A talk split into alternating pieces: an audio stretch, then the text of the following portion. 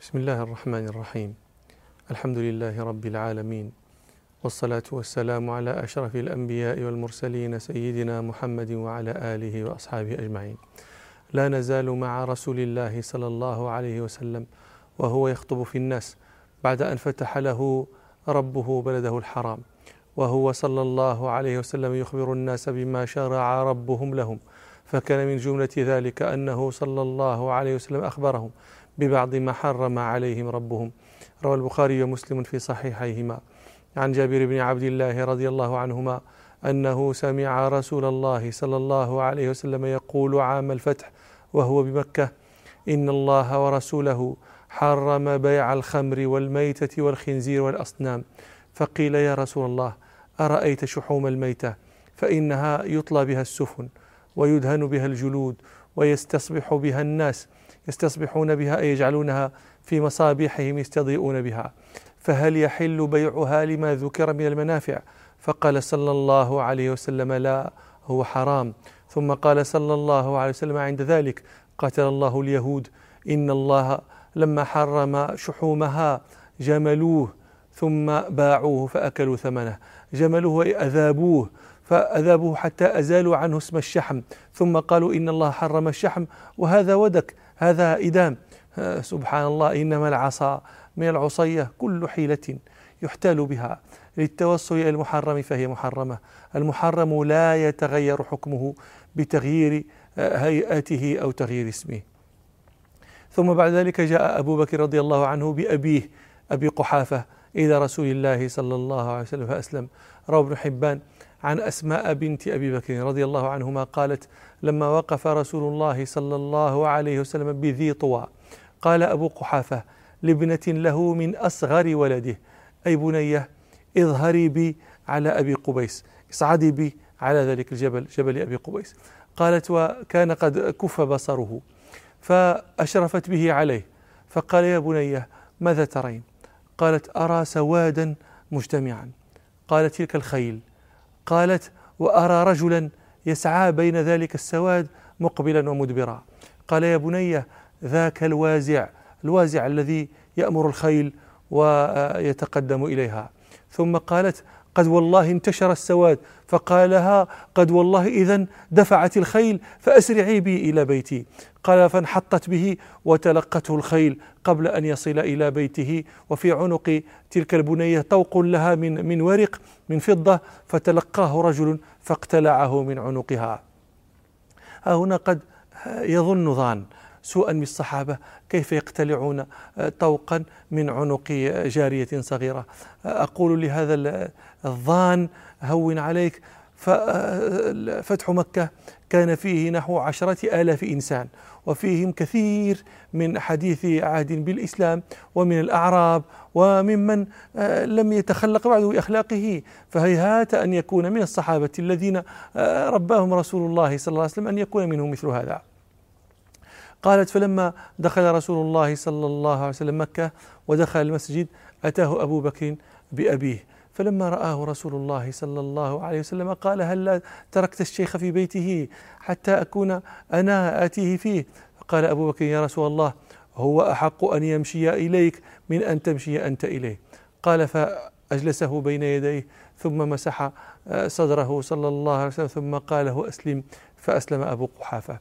ودخل به أبو بكر على رسول الله صلى الله عليه وسلم ورأسه كأنه ثغامة.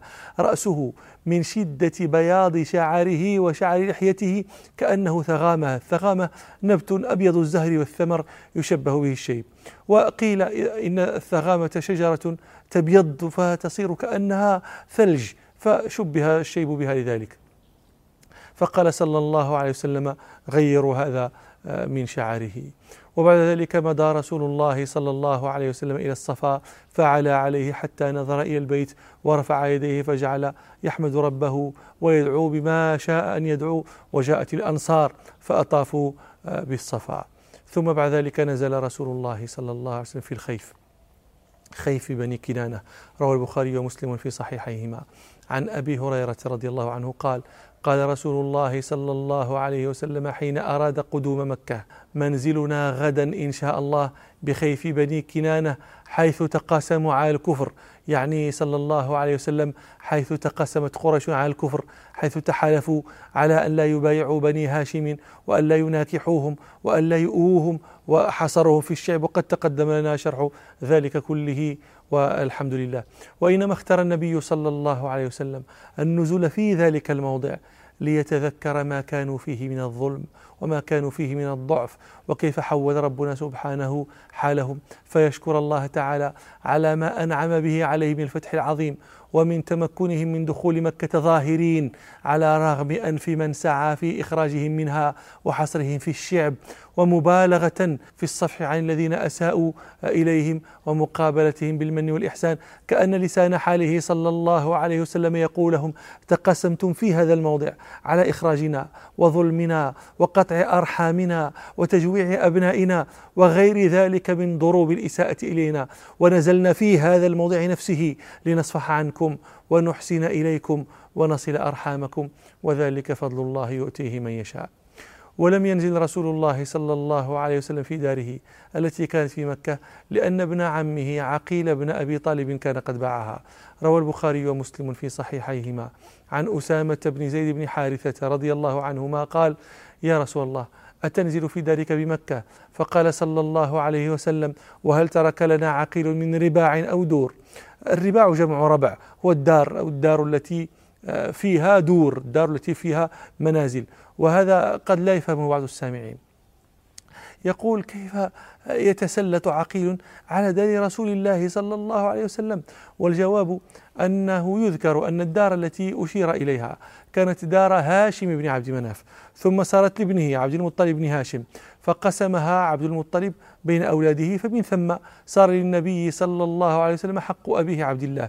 وفي هذه الدار ولد رسول الله صلى الله عليه وسلم. فلما هاجر رسول الله صلى الله عليه وسلم استولى عقيل وطالب أخوه على الدار كلها باعتبار ما ورثاه من أبيهما دون غيرهما. لكونهما كان لم يسلما ولم يرث أخواهما علي وجعفر شيئا لأنهما كانا قد أسلما ولأن جعفرا كان قد قتل يوم مؤتة شهيدا. فلم يرث حق أبي طالب إلا عقيل وطالب. واستوليا على حق النبي صلى الله عليه وسلم لأن لأنه كان تركه بالهجرة. ثم إن طالبا أخا عقيل مات قبل بدر فلم يبق حينئذ إلا عقيل فباع الدار كلها. فلذلك قال صلى الله عليه وسلم وهل ترك لنا عقيل من رباع أو دور؟ وقد اشتهر في السير. أن رسول الله صلى الله عليه وسلم قال لقريش لما دخل مكة يا معشر قريش ما ترون أني فاعل بكم؟ فقالوا خيرا أخ كريم وابن أخ كريم. فقال صلى الله عليه وسلم أقول لكم كما قال يوسف لإخوته لا تثريب عليكم اذهبوا فأنتم الطلقاء. فهذا على شهرته ليس يروى من طريق صحيح. فلما كان من الغد من فتح مكة خطب رسول الله صلى الله عليه وسلم خطبة أخرى. وسببها أنه قتل رجال من خزاعة رجل من هذيل في في الحرم. روى أحمد عن أبي شريح الخزاعي ثم الكعبي وكان من أصحاب رسول الله صلى الله عليه وسلم أنه قال أذن لنا رسول الله صلى الله عليه وسلم يوم الفتح في قتال بني بكر حتى أصبنا منهم ثأرنا لا ينبغي أن تنسوا أن بني بكر كانوا قتلوا بني خزاعة وكان ذلك سبب فتح مكة. قال فلذلك أذن رسول الله صلى الله عليه وسلم لخزاعة في قتال بني بكر. قال ثم أمر رسول الله صلى الله عليه وسلم برفع السيف. فلقي رهط منا من خزاعة آه، في الغد رجل من هذيل في الحرم. يؤم رسول الله صلى الله عليه وسلم ليسلم يقصد النبي صلى الله عليه وسلم يريد أن يسلم. وكان هذا الرجل الهذلي قد وتر الخزاعيين في الجاهلية وكانوا يطلبونه ليقتلوه.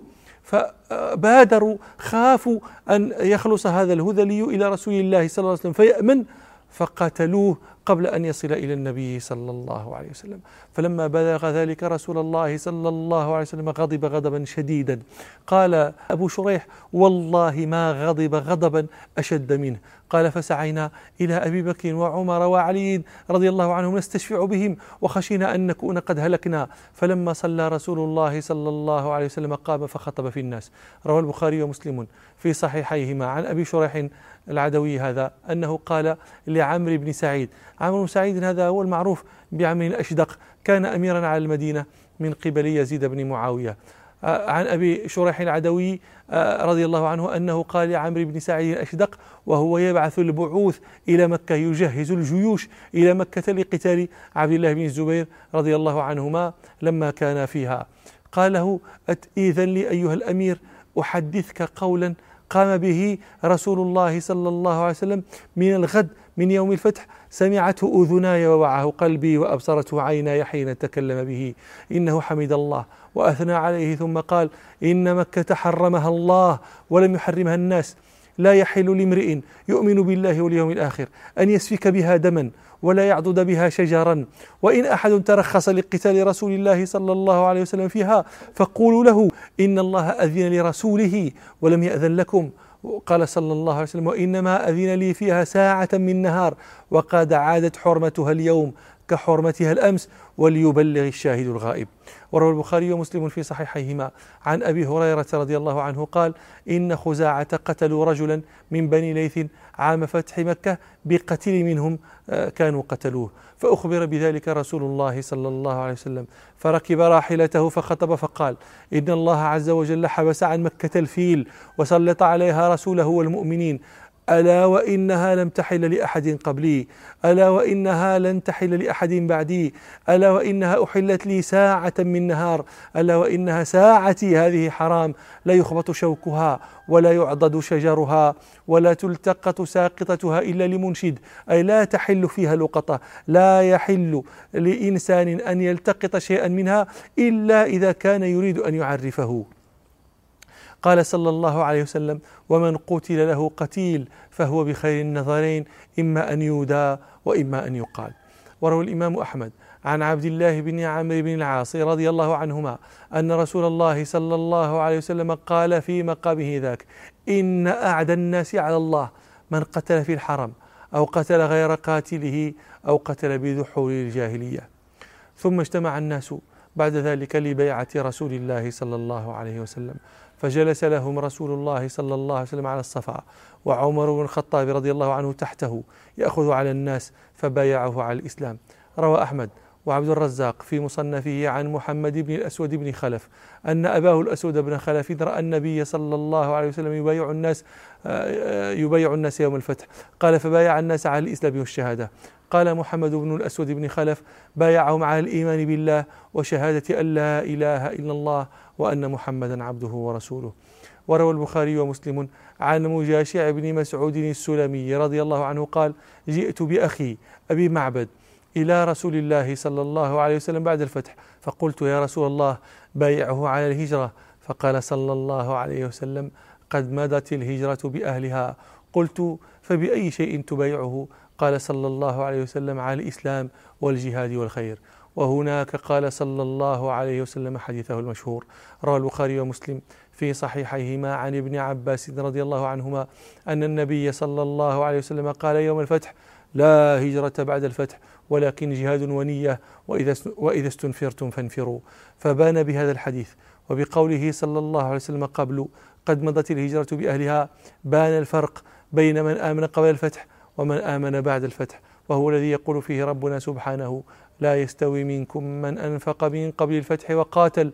أولئك أعظم درجة من الذين أنفقوا من بعد وقاتلوا. وكلا وعد الله الحسنى والله بما تعملون خبير. وقد بينت عائشة رضي الله عنها علة عدم الاستواء عدم استواء من آمن قبل الفتح ومن آمن بعده. روى البخاري عن عطاء بن أبي رباح قال زرت عائشة مع عبيد بن عمر الليثي فسألناها عن الهجرة فقالت لا هجرة اليوم كان المؤمنون يفر أحدهم بدينه إلى الله تعالى ورسوله صلى الله عليه وسلم مخافة أن يفتن عليه. فأما اليوم فقد أظهر الله الإسلام واليوم يعبد ربه حيث شاء ولكن آه، جهاد ونية. فلما فرغ رسول الله صلى الله عليه وسلم من بيعة الرجال بايع صلى الله عليه وسلم النساء فاجتمع إليه نساء قريش فبايعنه. وقد اشتهر في السيرة أن هند بنت عتبة بايعت رسول الله صلى الله عليه وسلم ودار بينها وبينه حديث روى ابن سعد في الطبقات وأبو نعيم في معرفة الصحابة والطبري وأبو يعلى والحازمي في الناسخ والمنسوخ وغيرهم بأسانيد كلها تكلم فيه. أن النساء اتينا يبايعن النبي صلى الله عليه وسلم. وفيهن هند بنت عتبة متنقبة متنكرة لما كان من صنيعها بحمزة فهي تخاف أن يأخذها آه، رسول الله صلى الله عليه وسلم بحدثها ذاك. وأكمل لكم آه، هذا النبأ فيما نستقبل إن شاء الله. سبحانك اللهم وبحمدك أشهد أن لا إله إلا أنت أستغفرك وأتوب إليك والحمد لله رب العالمين.